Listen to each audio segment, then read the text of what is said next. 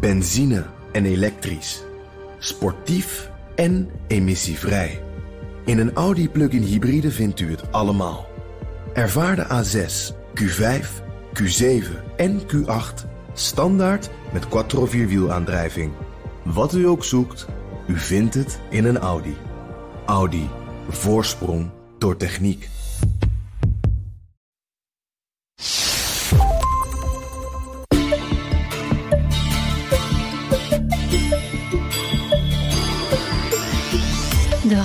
Tussen China en Latijns-Amerika is de afgelopen 20 jaar geëxplodeerd. En met die handel nam ook de Chinese invloed in de regio toe. En dat zie je doordat bijvoorbeeld de Dominicaanse Republiek, El Salvador en Panama recente banden hebben verbroken met Taiwan. Uiteindelijk is het natuurlijk uh, voor de meeste landen toch erg interessant om wel een, uh, gewoon de diplomatieke relaties met de Volksrepubliek te hebben. Maar de laatste jaren neemt ook de kritiek toe. Deskundigen zeggen dat de relatie tussen China en Latijns-Amerika vooral voordelig is voor de Chinezen. En dat deze op de lange termijn daarom niet houdbaar is. Natuurlijk is het nog lang niet evenwichtig, maar zo. Er zitten heel veel haken nog. En met name die milieudimensie, die uh, uh, arbeidsomstandigheden en dergelijke. Ik denk dat, dat dat hele serieuze problemen zijn. Gebrek aan transparantie, daar moeten we echt focussen vinden. Dat is echt belangrijk dat dat veel beter in orde komt. In deze aflevering zoek ik, Liao Wang, daarom uit wat China en Latijns-Amerika aan elkaar hebben. En hoe hun toekomst eruit ziet. Kan Latijns-Amerika nog wel zonder de Chinese investeringen? En wat is de rol van de nieuwe zijderoute hierin?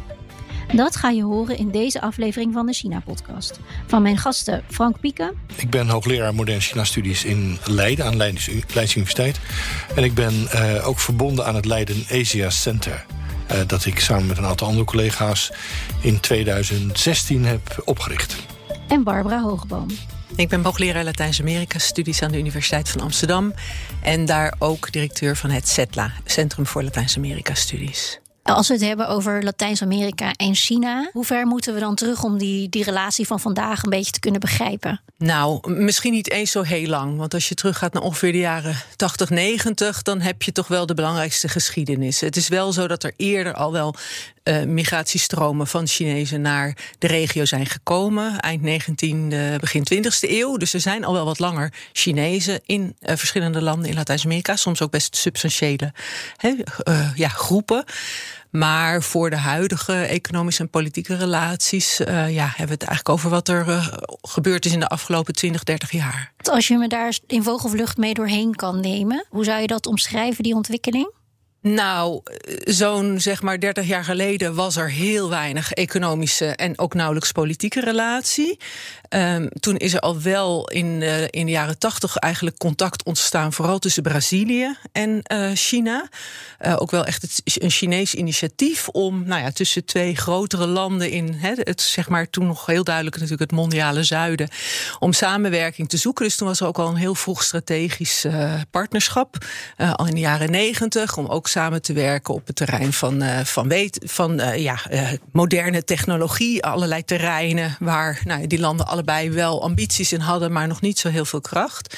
Um, en Um, eigenlijk dus pas de afgelopen twintig jaar is vooral gewoon met de hele regio uh, ja, de handel, de export vanuit Latijns-Amerika en ook wel investeringen en import vanuit China zijn in, in heel snel tempo uh, gegroeid. Want uh, ja, in 2000 was er nog vrij weinig handel en nou, nog geen twintig jaar later was dat vervijfentwintigvoudigd.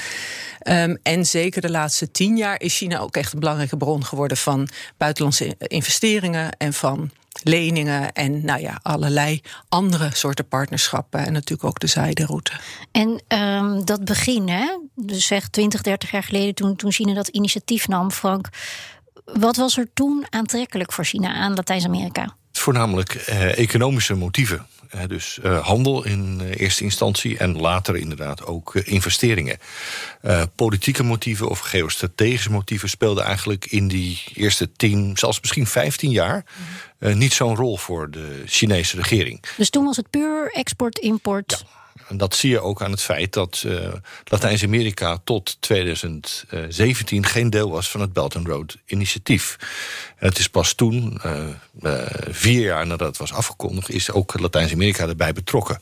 En voor die tijd werd het echt gedreven door economische belangen, grondstoffen, ja. afzetmarkten natuurlijk. dat waren de belangrijkste overwegingen. Die economische relatie heeft ervoor gezorgd dat China de afgelopen jaren voor sommige landen in Latijns-Amerika extreem belangrijk is geworden. Bijvoorbeeld voor Chili, wat heel veel van, de, van haar koper naar uh, China exporteert, is China gewoon de nummer één. Voor een heel aantal uh, andere landen is China uh, soms nummer één, soms nummer twee voor, voor, hè, als exportbestemming. Um, dus voor die landen he, is, is die relatie, die grondstoffenrelatie, die afzetmarkt is heel belangrijk. Volgens Frank is er nog een andere reden waarom Latijns-Amerikaanse landen de Chinezen met open armen hebben ontvangen. En dat is het feit dat uh, China ook een uh, steeds uh, interessanter alternatief is voor wat vaak de Washington Consensus wordt genoemd. dus de, de, de, de, de halsketting waarmee heel veel Latijns-Amerikaanse landen vastzitten aan uh, het IMF, uh, aan de Wereldbank, aan de Amerikaanse regering, aan meer het algemeen het uh, internationale monetaire systeem, door een hoge staatsschulden en andere schulden. Um, en de dwang die er dan wordt opgelegd om de economie open te gooien, geen investeringsbeperkingen, geen handelsbeperkingen op te leggen. al die dingen die, die bijten heel erg in Latijns-Amerikaanse en ook in de landen zelf. En China was daar ook een heel aantrekkelijk alternatief voor. Naarmate China groter en machtiger werd, hè, zeker in de jaren twee, vanaf de jaren 2010 ongeveer, zie je dat China echt een alternatief gaat uh, bieden. Uh, doordat ze ook financiën hebben. Ze hebben, uh, zijn de grootste donor van fondsen ter wereld nu, zo'n beetje. Ja. Um, en dat was. en zonder dan die Washington Consensus voorwaarden die eraan zaten. En ook geen andere politieke voorwaarden te maken hadden met mensenrechten of een politiek systeem en dergelijke. Dus dat was voor hele landen erg aantrekkelijk. Toch zaten niet alle landen in Latijns-Amerika meteen op de komst van China te wachten zoals Mexico. Die waren natuurlijk ontzettend bang voor China als concurrent op, op uh, ja, de grootste afzetmarkt van Mexico, de VS. En die hebben niet zo heel veel grondstoffen te exporteren. Die hebben veel te vrezen van de, he, de, de, concurrentie. Um, en er was echt ja, een, een weerstand. En als je naar Midden-Amerika nu kijkt, dan zie je nog steeds daar uh, grote handelstekorten. Net dus als, uh, als Mexico. Gewoon, ja, er komt veel meer he, aan goederen of waardevolle goederen die kant op. En dat leverde ook vanuit de Mexicaanse bevolking twijfels op? Nou, één ding was dat als je keek naar gewoon de lokale ondernemers, dat de, gewoon de kleinere fabrikanten in Latijns-Amerika hadden natuurlijk ook last van de import van goedkope Chinese goederen. De productie voor de lokale kledingmarkt en voor de lokale meubelmarkt en dat soort dingen. Die merkte opeens van, oh jee, nou ja, een heleboel dingen kun je eigenlijk niet meer doen. Dat is echt voor, voor ja, de, de, de Latijns-Amerikaanse kleinere ondernemers, die hebben dat heel duidelijk gevoeld. En ik, nou ja, dan sprak je wel zo met een taxichauffeur of zo. Die zeiden ja, vroeger had ik met mijn broer een schoenen, schoenenwerkplaats. Maar uh, nou ja, dat zijn we maar mee gestopt. Ook in Venezuela kwam er kritiek. Dat land kreeg miljarden van China in ruil voor olie. Maar dat geld ging vooral naar grote sociale projecten of verdween in de zakken van corrupte ambtenaren. En ondertussen moest het land wel zijn olie naar China verschepen. Tot grote onvrede van Venezolaanse economen. Ha prestado más de 50 mil millones de dólares. China has lent us more than 50 billion dollars from 2007 until now. Our debt to China is around 24 billion dollars if we include the latest loan from this year. A significant source of resources Venezuela has needed to settle its external debt has come from China. Maar ook China zat uiteindelijk met deze deal in zijn maag. Want doordat de olieprijzen daalden, kon Venezuela zijn schuld aan China niet meer aflossen. En de vraag is of dit ooit nog gebeurt. Dus het is wat dat betreft ook een ja, soort pact gemaakt in de hel. Bijna. Ja, ja. Waarbij beide partners denken, als ze dat nog een keer zouden moeten doen, dat ze zouden zeggen, nou, misschien toch liever niet. Nou, ik weet dat niet zo zeker. Want er is natuurlijk. Er zijn gewoon natuurlijk wel afspraken over terugbetalen. En uh, Venezuela moet dat terugbetalen uh, met olie. Uh, en ja, die verplichting die hebben ze gewoon nog voor een hele tijd. Nu is ook het probleem dat die hele oliesector natuurlijk enorm slecht ervoor staat Maar de prijs van olie is ook te laag voor Venezuela. Ja. Dat is het probleem. Ja. Het is niet de moeite waard om die olie te winnen in Venezuela op het ogenblik. Ja. Dus wat dat betreft zitten ze echt volkomen vast. Ja. De Chinezen en de Venezuela. Ja, destijds werd er steeds gepraat over de win-win uh, constructie. Ja, absoluut. De laatste jaren begint er volgens Frank naast het economische aspect nog een ander ding mee te spelen. En dat is de erkenning uh, van uh, de Republiek China op Taiwan door een aantal uh, Latijns-Amerikaanse, Centraal-Amerikaanse landen, maar ook een aantal andere in uh, Zuid-Amerika, uh, waar China probeert die erkenning over te nemen van Taiwan. Ja. En dat speelde voor 2008 en na 2016. En daartussenin niet, vanwege het feit dat er toen een andere regering in Taiwan was. Maar daarvoor speelde dus 2008, voor 2008 speelde dat heel erg sterk. En met name vanaf 2017 is het een heel belangrijke factor geworden in ook het beleid van de Chinese overheid naar met name Centraal-Amerikaanse uh, landen toe, ja. die nog steeds Taiwan erkenden. De afgelopen jaren verbraken de Dominicaanse Republiek, El Salvador en Panama de banden met Taiwan. De president van El Salvador kondigde dat zelfs aan op nationale televisie. De romper las llamadas relaciones diplomáticas mantenidas hasta este día entre la República de El Salvador y Taiwán y establecer relaciones diplomáticas entre la República de El Salvador y la República Popular China. De reden waarom deze landen overstapten naar de Volksrepubliek China laat zich volgens Barbara makkelijk raden. Nou, uiteindelijk economisch. ja, nee, de, de, manier waarop natuurlijk Taiwan nog steeds met een aantal kleinere eilanden in de Cariben en een aantal kleinere landen in Midden-Amerika die banden kan houden, is omdat ze, ja, met die kleinere landen kun je nog wat speciale programma's en leningen en wat, wat, wat, wat mooie prestigeprojecten enzovoort uh, geven. Maar uiteindelijk is het natuurlijk uh, ja, voor de meeste landen toch erg interessant om wel een, uh, gewoon de diplomatieke relatie met de Volksrepubliek te hebben. En, um, ja, en dat werd dan ook beloond op allerlei manieren. Dus dan ging China natuurlijk ook dat soort cadeautjes uitdelen. Wat wel interessant is om te zien dat inderdaad dus he, daar, daar uh, nou wat is het nu zo'n 14, 15 jaar geleden dan bijvoorbeeld uh, met Costa Rica, die maakte die switch. Die kregen een vrijhandelsverdrag.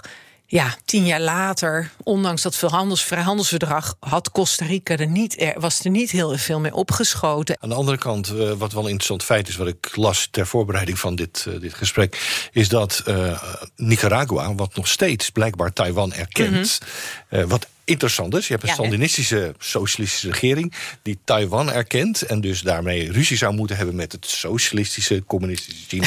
dus ideologie doet er echt niet toe, dames en heren. Helemaal nul hoor. Um, maar die zijn, de Chinezen zijn dus, de Volksrepubliek Chinezen dus bezig met discussies met Nicaragua blijkbaar om het een, een kanaal aan te leggen door Nicaragua als alternatief voor het Panama-kanaal. Ik kan me goed voorstellen dat dat er ook wel gaat komen. Maar ook daarvoor geldt dat dat al een tijd wordt erover gepraat. En wordt dat elke keer ook bij hoge bezoeken wel weer uh, ja, uh, in het zonnetje gezet. Van kijk, ons eens hele grote stappen met elkaar zetten. Maar op dat terrein gebeurt er nog niet zoveel. Dat alternatieve kanaal moet op papier een onderdeel worden van de Belt and Road. Oftewel de nieuwe zijderoute. Dat netwerk van duizenden wegens, havens en spoorlijnen om China te verbinden met de rest van de wereld. Maar volgens Frank is die nieuwe zijderoute eigenlijk helemaal geen project. Het is, het is een mm, etiket. Ja. Een etiket dat Xi Jinping ergens opgeplakt heeft. En men, hè, men zijn de uh, Chinese ondernemers, Chinese ministeries, Chinese organisaties, zoeken wanhopig naar projecten waar dat etiket opgeplakt kan worden. Ja. Uh, want dan, dat, ten eerste krijg je er politiek krediet voor, dat is goed voor je carrière, maar ook dan komen er fondsen los en, uh, en dergelijke. Wordt ook politieke druk uitgeoefend om die projecten dan uit te kunnen voeren. Dus uh, dat hele Belt and Road is eigenlijk niet zoveel als het lijkt. Is niet een, een, een totale blauwdruk. Mm -hmm. uh, die uh, minutieus en systematisch wordt uitgevoerd. Maar het zijn duizenden Chinese actoren die voortdurend proberen hun mm. eigen voor te doen met dit idee van het Belt and Road. Dus maar ik, ik hoor jullie wel allebei zeggen van dat etiket wordt in Latijns-Amerika veel minder vaak en misschien ook veel minder groots ingezet dan op andere plekken. Klopt, ja. Dat is, dat is zeker waar. Als je het vergelijkt met Afrika en, en natuurlijk ook zeker in, in Azië... is het een, een stuk losser uh, en denk een stuk pragmatischer... en misschien ook wel opportunistischer. Dat, dat gezegd, en we zien wel een duidelijke uh, toename... van allerlei infrastructurele en prestigeprojecten in Latijns-Amerika... Uh, vanaf ongeveer 2015 en zeker natuurlijk vanaf het echte start, echte start van het Belt and Road in 2017. Ja. Dus het, het is niet een uh, of-of situatie. Als dat label eenmaal bestaat, dan gaat het ook zijn eigen leven leiden. En dan gaat, krijgt het een dynamiek. Dan komt er geld achter te staan, politieke druk. Ja. En dan leidt dat tot meer. Ja. Maar het is niet zo dat het dan, oh, nu begint het en daarvoor hadden we niks. Nee, ja. En het is wel ook belangrijk, inderdaad, voor het Chinese imago in Latijns-Amerika. Want um, op een gegeven moment begon er, er, ook steeds meer kritiek te komen in samenlevingen in Latijns-Amerika. Van ja, jullie zitten vooral in die olie of jullie zitten vooral in die mijnbouw. Uh, daar uh, hebben we eigenlijk willen we niet alleen maar moderniseren of groeien op die manier, want we blijven dan alleen maar een grondstoffenexporteur. Um, dus het werd ook duidelijk dat China ook een partner moest worden voor ander soort uh, projecten en ontwikkelingen. En, uh, nou, en da dat is dan wel weer op de Chinese manier, gaat dat dan ook ontzettend hard. En dus heeft China de afgelopen jaren ook honderden miljarden geïnvesteerd in andere sectoren, zoals de autoproductie en technologische dienstverlening. En dat is volgens Barbara met een reden. Nou, er zijn natuurlijk heel veel Chinese bedrijven die gewoon, nou ja, niet alleen willen internationaliseren, die natuurlijk ook de politieke opdracht krijgen van hmm. zorg dat je ook echt een multinationale speler wordt. Uh, dus daar zitten en dan komt er inderdaad, uh, dan komen daar deals uh, mee, want dan gaat inderdaad de Chinese overheid zorgen dat er he, afspraken worden gemaakt met landen. Ja, en dan is het een beetje kijken. Met een Venezuela werden gewoon ja van die van die onder onderhandse deals zeg maar gesloten. Terwijl natuurlijk als je met Chili, waar ze ook een vrijhandelsverdrag mee hebben, ja, als je daar afspraken mee of he, deals mee wil maken, dan moet je gewoon een open aanbestedingsprocedure doorlopen. Maar goed, al die verschillende uh, opties die hanteren ze dus zeker wel. En um, ja, zij, ze zijn uh, toch geïnteresseerd. Het is natuurlijk, ja, Latijns-Amerika is ook een enorme markt. Uh, het is een, een nou ja, er zijn landen met een hoop problemen, uh, ook uh, economisch en, en, regelmatig politiek. En nou ja, allerlei crisis zoals we die nu weer zien, zoals in Colombia. Dus het is niet de meest makkelijke plek om te investeren of aanwezig te zijn. Maar aan de andere kant, ja, er is een enorme afzetmarkt. je kan er geld verdienen. En voor de lange termijn is het natuurlijk ook gewoon een soort onmisbare relatie. Maar blijft die relatie ook in de toekomst onmisbaar? Ik vraag het Barbara en Frank. Ik denk um, voor de regio, economisch gezien, is er gewoon kunnen ze niet zonder China. Ik bedoel, ze hebben niet zo heel veel te kiezen. Ze zitten nu helemaal in een diepe crisis. Maar eigenlijk ook voordat corona begon, was die economische situatie al jarenlang behoorlijk slecht. Dus zo'n grote handelspartner en investeerder en inderdaad een bron van, van uh, allerlei grote, uh, ook prestigieuze projecten. Nou, die ga je niet wegduwen. Dus de meeste landen, zelfs al hebben, kiezen ze een president die tijdens campagnes allerlei een beetje anti-Chinese taal uitsloeg, dan in de praktijk blijken ze toch gewoon uh, die relaties uh, wel weer uh, op te zoeken.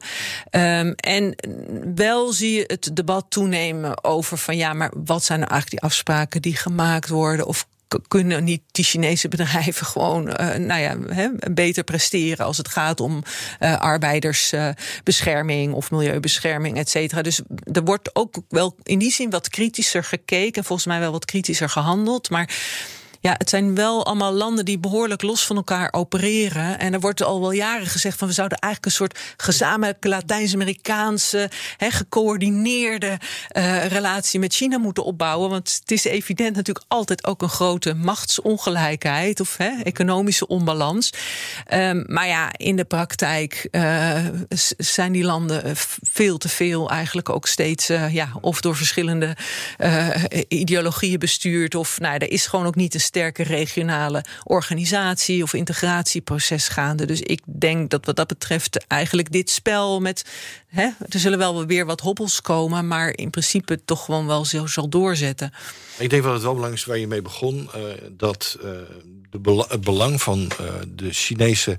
de handel met, China. tussen Latijns-Amerika en China.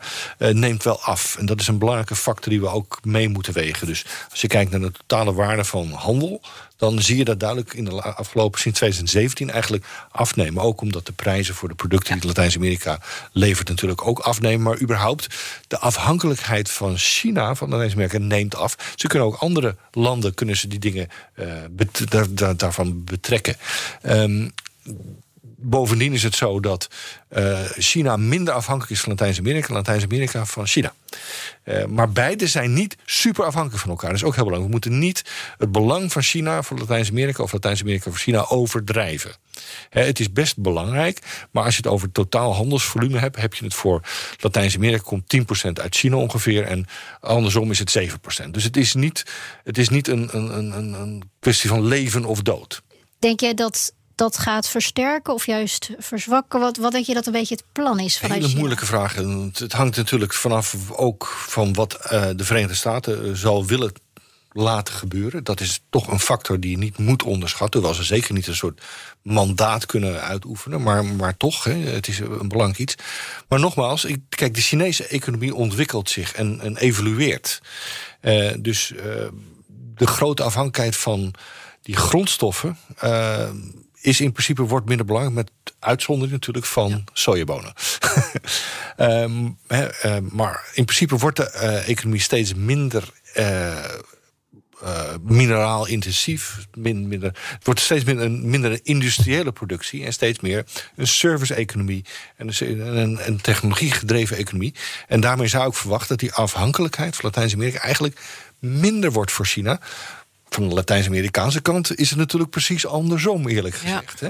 Ja. Maar je kan dan ook zeggen, ja, misschien nemen de complementariteit van die twee economieën ook wel toe dan. Dat zou ook nog kunnen. Nou, we hebben het natuurlijk ook wel eens eerder, eerder gezegd, bijvoorbeeld over Afrika, dat het ook belangrijk is als een toekomstige afzetmarkt. En, en dat, kan ik me ook voorstellen bij Latijns-Amerika. Nou, dat is natuurlijk al zo. Latijns-Amerika is al een belangrijke afzetmarkt.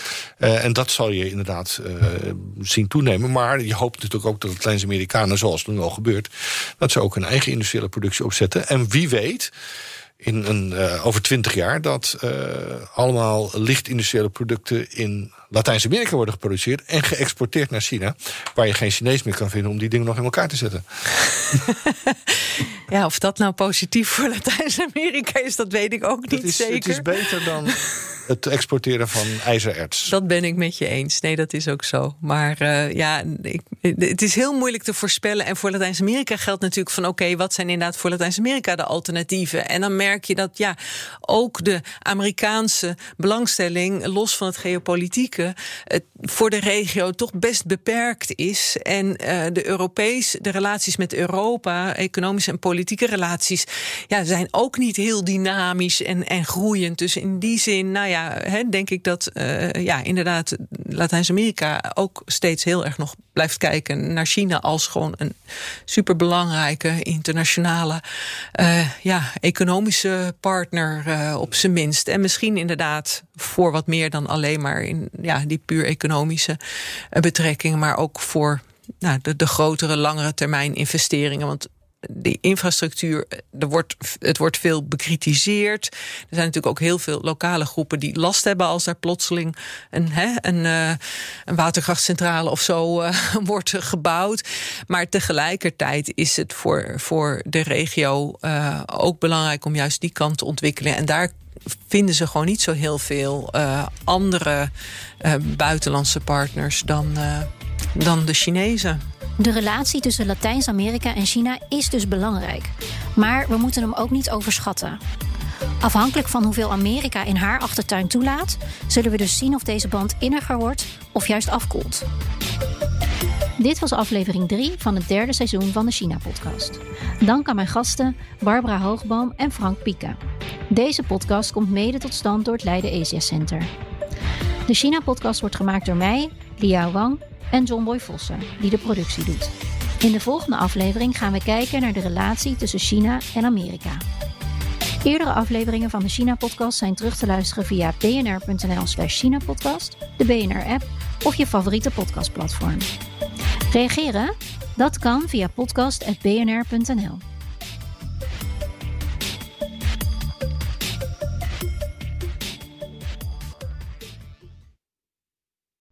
Benzine en elektrisch. Sportief en emissievrij. In een Audi plug-in hybride vindt u het allemaal. Ervaar de A6, Q5, Q7 en Q8 standaard met quattro vierwielaandrijving wat u ook zoekt, u vindt het in een Audi. Audi. Voorsprong door techniek.